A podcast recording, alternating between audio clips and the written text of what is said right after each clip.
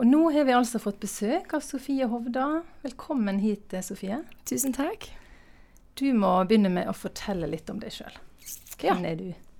Jeg heter Sofie Hovda. Jeg er 23 år og kommer fra Stavanger. Vokste opp i Stavanger. Eh, akkurat nå for tida så har jeg bostedsadresse på Fogn i Ryfylke. Eh, men har òg de tre siste årene egentlig vært mye på Hawaii, Mm. på en annen øy. Ja. På Hawaii har du vært på noe som heter DTS.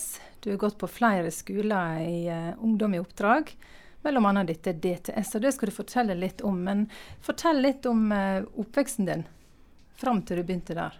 Ja. Uh, jeg vokste opp i en kristen heim og ja, trodde vel egentlig alltid på Gud, men når jeg i ungdomstida så tenkte jeg at hvis Gud virkelig er ekte, så må han være mer levende enn det jeg får oppleve nå. Og hvis det ikke, så har jeg ikke noe behov for å ha noe å gjøre med en død Gud. Um, så når jeg var 16, så lagde jeg et nyttårsforsett at jeg skulle lese Bibelen hver dag et helt år. Jeg skulle bruke tid i Bibel og i bønn, og hvis at, eh, jeg ikke fant Gud på det året, så var jeg egentlig ferdig med å kalle meg sjøl kristen. Um, så gjorde jeg det, og selvfølgelig så vender ikke Guds ord tomt tilbake. Og jeg fikk oppleve Gud, og jeg eh, ga livet mitt til Han, som virkelig tok meg på en spennende trosreise. Mm. Og det førte deg da mellom annet til eh, DTS på Hawaii. Hva er DTS? DTS er en uh, seks måneder dis nei, disippeltreningsskole som er tre måneder med trening.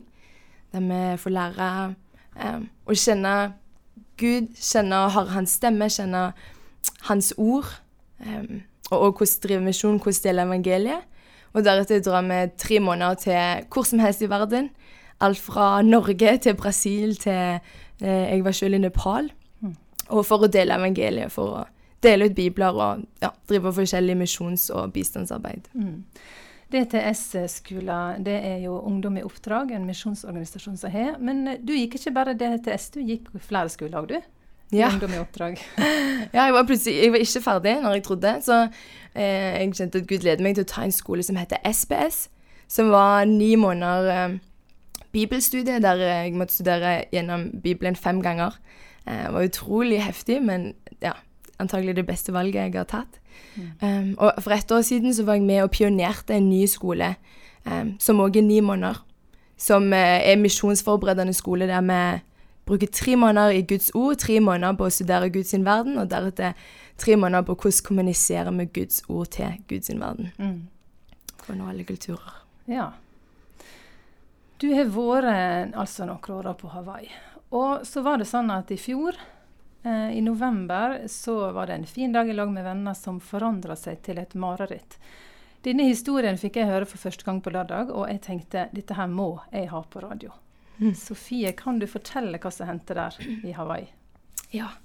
Eh, det var helg. Eh, det var 3. november i fjor, og vi var en vennegjeng på 13 stykk som skulle til et eh, fossefall. Mye fin natur i Hawaii.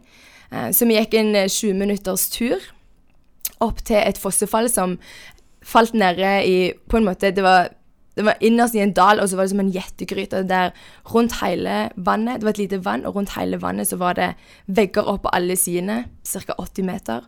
Og der eh, falt det ned et eh, ganske lite fossefall. På siden av dette fossefallet så var det en slengdisse som vi klatra langs veggen. Som veggen gikk rett opp. Um, så vi klatra ut til dette um, slengdissa.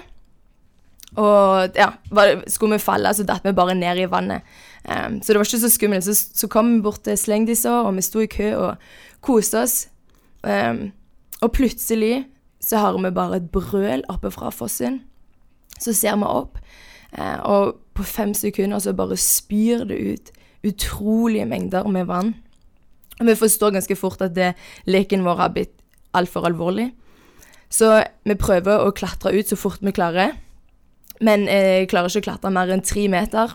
For innen et halvt minutt så har eh, fossen utvida seg så mye at eh, den dekker over alle oss eh, som står i denne veggen. Hvor mange var dere?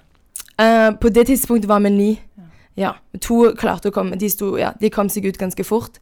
Men syv av oss ble altså stående i fossen, og den utvida seg. Eh, mange mange dobla seg. Og det kom utrolige mengder vann, og vannet ble ganske fort brunt fordi at ja, elva gikk langt ut forbi viddene sine og drog med seg eh, jord og eh, kvister og stein. Og det eneste vi hørte, var bare hverandre som skreik 'Jesus, Jesus, Jesus'. Um, og så innså jeg at uh, vi har ikke sjans. Vi har ikke sjans til å overleve. Um, selv om vi ropte på Gud, så ble bare denne frosten ble bare verre og verre. Og jeg, ja, vi kunne ikke bevege oss, men alt vi måtte gjøre, var bare å holde fast med hendene så godt som vi klarte. Allikevel så var jeg fullt med en fred over å dø. Jeg tenkte uh, Eller ja, jeg kjenner, jeg kjenner, Jesus, jeg vet hvor jeg er på vei. Jeg kjenner folk som har gått foran meg. Det blir kjekt å se de igjen. Det eneste jeg kjente, var en, en angst for å drukne. Jeg har hørt at det er en av de verste måtene å dø på. Men jeg gjorde meg egentlig klar til å, å dø. Jeg eh, ba for vennene mine og familie som ikke kjenner Gud, at de måtte bli eh, kjent med Jesus gjennom begravelsen min. Jeg ba om at eh, redningsmannskap måtte finne liket mitt, så foreldrene mine hadde en kropp å begrave. Ba for familien min. Eh, ba om at ja, alle de måtte få lov å ta en DTS en dag. Um, ja, og bare ja, bare mine siste venner. Jeg tenkte å, kanskje jeg må tenkte, eh, Hva gjør folk når de skal dø? Ja, de må bekjenne synder. Så jeg begynte å bekjenne synder, eller jeg skal akkurat begynne å bekjenne synder. Og så har jeg bare, så har jeg bare Sofie Korset var nok. Så istedenfor å bekjenne synder, så bare fortsatte jeg å be eh, ja, for venner og familie. Um, og så, så dette varte kanskje ti minutter. Jeg hadde en, jeg hadde en fred, men jeg, jeg forsto jeg skulle dø, og jeg forsto at eh, ingen av oss kom herfra i livet. Så plutselig så hører jeg en stemme som sier, 'Sofie, du skal leve. Jeg kommer med liv. Jeg, jeg er verdens håp, og jeg har makt over naturen.' Og idet jeg hørte den stemmen, så ble jeg fylt av en vanvittig fred. Og jeg forsto at det, det, det, er sant, det er Gud som taler, jeg skal leve. Og så sa jeg Gud, du er nødt til å redde alle 13. Og så sa Sofie, alle 13 skal leve, og jeg kommer til å redde deg aller sist. Og så spurte Gud, hvordan skal du redde oss? Eh, skal du bare stille stormen og stoppe vannflommene, eller skal du sende hjelp? Og så sa han, det kommer til å være et helikopter der innen 20 minutter. Uh, og, og, innen 20 minutter så hørte jeg at et helikopter kom, så da begynte jeg bare å le, for jeg skjønte at det, fienden han kom for å stjele og drepe, men, men Gud har virkelig kommet for å gi, gi, liv, og ja, det han talte, det var sant. Og så begynte jeg å bare be Gud at du er nødt til å sende dine engler. Og så sa han Sofie, det er fire millioner engler i, inne her rundt denne fossen nå. Uh, og det er bare et nummer jeg ikke hadde kommet på å dikte på. Jeg tenkte at jeg kanskje hadde trengt to hver. Ja. Um, så fikk jeg et syn der jeg så uh, to engler som tok tak i hælen min. Holdt hver sin hæl. Um, og um, ja. Og det som hadde skjedd òg tidligere, var at vannet i denne kulpen på en måte hadde steget mange mange meter, så jeg hadde blitt pusha til å forsiktig åle meg oppover veggen. Og det var en ganske glatt vegg? Det var ikke ei hylle du satt på, liksom, eller sto på? Nei, det var bare en steinvegg mm. rett opp. Eh, men jeg kom ikke lenger fordi steinveggen begynte å gå utover mm. over meg. Så kom jeg opp, der sto det plutselig to venner som sto på hylla, men det var ikke plass på den hylla, så jeg klarte bare å stå med en hæl. Um, så jeg sto på venstre hæl og hang fast etter venstre arm, for jeg fant ingen plass til høyre fot, så den måtte jeg bare krølle foran den andre foten. Presse den så hardt jeg kunne inntil veggen, og det samme måtte jeg gjøre med, med venstre hånd. Så ja, jeg sto på høyre hæl og hang etter høyre hånd. Og så plutselig hører jeg en stemme til venstre. Og jeg har to venner som står til høyre, uh, men jeg vet at det er ingen mennesker til venstre for meg. Og så plutselig hører jeg en, en stemme ut forbi meg sjøl som sier Sofie, strekk ut hånda di, ta tak. Bare på kommando Jeg visste at dette var en engel, og på hans kommando så bare strekte Gud hånda og tok tak. Fant jeg en liten kvist. Så heldigvis nå holdt jeg eh, etter begge hendene.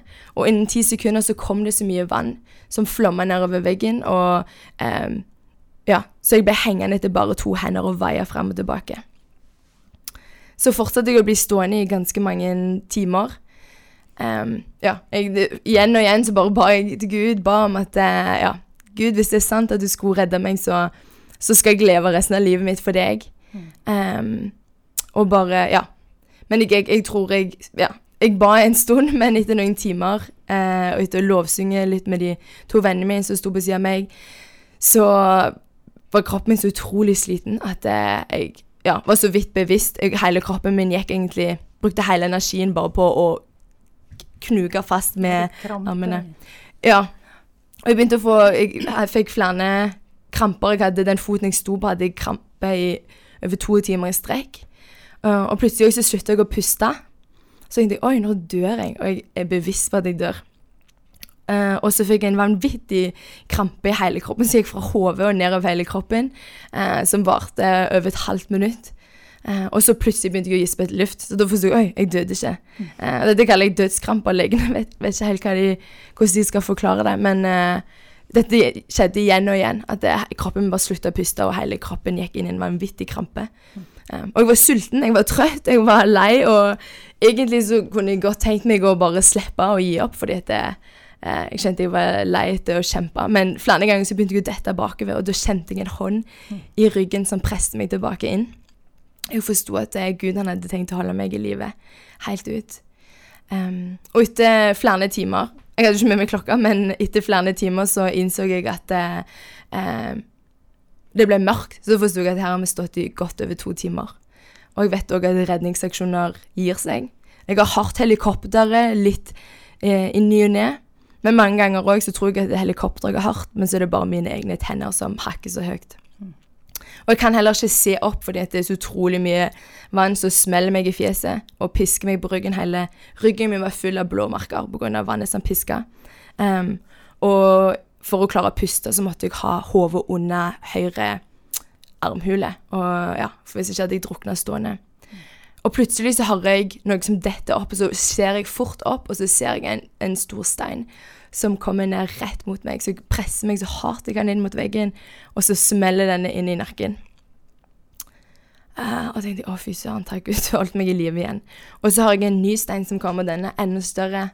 Uh, og da var, jeg, da var, jeg, litt sånn åh gud, hvis jeg skulle dø likevel, så ber jeg om at det er denne steinen som må ta livet mitt, sånn at jeg slipper å drukne. Um, og så prøver jeg Så jeg er litt for sein denne gangen, så jeg klarer ikke å presse meg så langt inn mot veggen, så den smeller i bakhodet. Og jeg kjenner at jeg holder på å besvime. Eh, det har aldri kjent så mye smerte. Og jeg står fortsatt bare på høyre fot, og venstre fot Jeg bare finner en liten sprekk i fjellet som jeg presser store tåene inn i, i tilfelle at jeg eh, detter, sånn at han kompisen min på sida av kan ta og eh, dra meg opp igjen fra vannet hvis jeg henger fast i tåa. Og disse to vennene jeg står med, vi har sunget litt og vi har bedt litt, men, men eh, flere ganger så vet jeg ikke om de er i live. For selv om de står en halv meter fra meg, så er vannmengdene så store at jeg verken hører de eller ser de. Um, så etter en stund så tar han kompisen bare og holder, holder hånda mi sånn at jeg konstant vet at han, han fortsatt lever. Mm. Så det, blir det mørkt. Uh, og jeg vet at da gir mye redningsaksjoner seg. Så nå jeg klarer så vidt å snakke, men jeg må bare brøle SOS så høyt jeg klarer. Uh, for jeg trenger at de kommer nå. Hvis ikke så vet jeg at jeg har ikke sjans. Uh, krampene begynner å bli så fæle i kroppen min at jeg kommer til å sige med øyeblikk. Og da ser vi plutselig en lommelykt som lyser nedover den 80 meter lange veggen. Og da er det redningsmannskapet oppå toppen der, så, ser de bare fingrene våre som klamrer seg til fjellet. Eller til fjellveggen. Um, og så bruker de utrolig lang tid Eller ja, det er skikkelig vanskelig, for de lager en um, rappelleringsløype nedover veggen i, i, fossen og i mørket. Så det er enda flere timer før de kommer ned til oss. Og når, de, når uh, han første redningsmannen ankommer, så bare eh, blir helt satt ut av å se at vi er i live, og han skjønner ikke hvordan jeg har blitt stående på én stein. Det er ikke lett etter levende folk. Nei. De har i over to timer så har helikopteret bare gått opp og ned elva eh, for å se etter likene våre. Mm. Og de har gitt beskjed til bøndene som bor nedover åkrene der, til å bare stå langs elvebredden og ta tak hvis de ser en av likene våre som kommer nedover. Um, så de, med en gang de hørte om ulykken, og med en gang de kom til stedet, så, så kalte de det ikke en redningsaksjon engang. De kalte det bare en opprydningsaksjon. Mm. De, de, visste at det, det, var ikke mulig at det, vi syv som mangla eh, under fossen der, at vi var i live. Uh, men uh, utrolig nok, etter fire og en halv time, så finner de oss tre siste. Uh, helt, helt, nederst med fossefallet. Og de tar på oss sele og begynner å først dra de meg opp, og jeg sto nærmest inn i fossen, men da finner jeg ut at beina mine lammer. Så da drar de meg bare opp fem meter og legger meg på hylla bak et tre, der jeg fortsetter å eh, ligge med kramper, men bare er så ja, takknemlig for livet. Mm. Eh, og så tar de og redder de to andre vennene mine, så jeg blir liggende der i hvert fall ja, i hvert fall to timer til. Bare ser opp på stjernene, lovsynger Gud for at det, eh, det han talte om at han skulle redde oss, det var rett. Mm. Eh, så etter syv timer så klarte de å få meg ut. De hadde ikke med båre eller skikkelig utstyr for å få meg opp med lammebein, Mm. av, ja, på grunn av de ikke regnet med å finne noe annet enn lik. Eh, men ja, etter syv timer er jeg ute, og da ble jeg flydd ut med helikopter og sendt i ambulanse til Mm. sykehus. Sofie, hva vil du si at denne opplevelsen har gjort med trua di? Um, den har virkelig vist at tro den holder. I Mm. møte med døden de første ti minuttene når jeg skulle dø, og jeg forsto at det, dette her var en dødelig lek, så um, ja. Så holdt troen. Men, men uh, i tillegg så tror jeg òg at all frykt for døden, eller frykt for uh, um, Ja, frykt for å dø har forsvunnet. Jeg tror Før så kunne jeg Jeg har alltid visst at jeg har lyst til å drive misjon, og jeg tror det er mange plasser jeg ville dra, men det var jo plasser jeg absolutt ikke ville dra. Men nå er det Nå skjønner jeg det, det hvor ekte Gud er, og hvor involvert han er i våre liv, og hvor tro han er til å holde oss fast. Mm. Eh, og, og ingenting kan ta livet mitt før Gud tillater det. Mm. Og ingenting i verden kan, kan drepe sjelen min. Um, så jeg tror for, min, for mitt trosliv så er det bare virkelig at eh, jeg kan bo i en krigssone. Jeg kan bo i ja, lukka land. Jeg kan bo hvor som helst. Jeg trenger ikke frykte at noen kan ta meg før Gud godtar det. Mm. Og så vet jeg også hvor jeg er på vei etter det. Um, ja. Og i tillegg bare òg Gud um, Gud har så kontroll i vårt liv. Han ønsker, eller han ønsker å være involvert i våre liv. Han, Og han eh, ja, har bare møtt meg på en veldig fantastisk måte òg i ettertid. Og jeg, ja, jeg sliter ennå med, med hjernerystelse. Eller jeg fikk noen hodeskader som de ikke fant ut før halvannen måned. Og da, så det sliter jeg ennå med.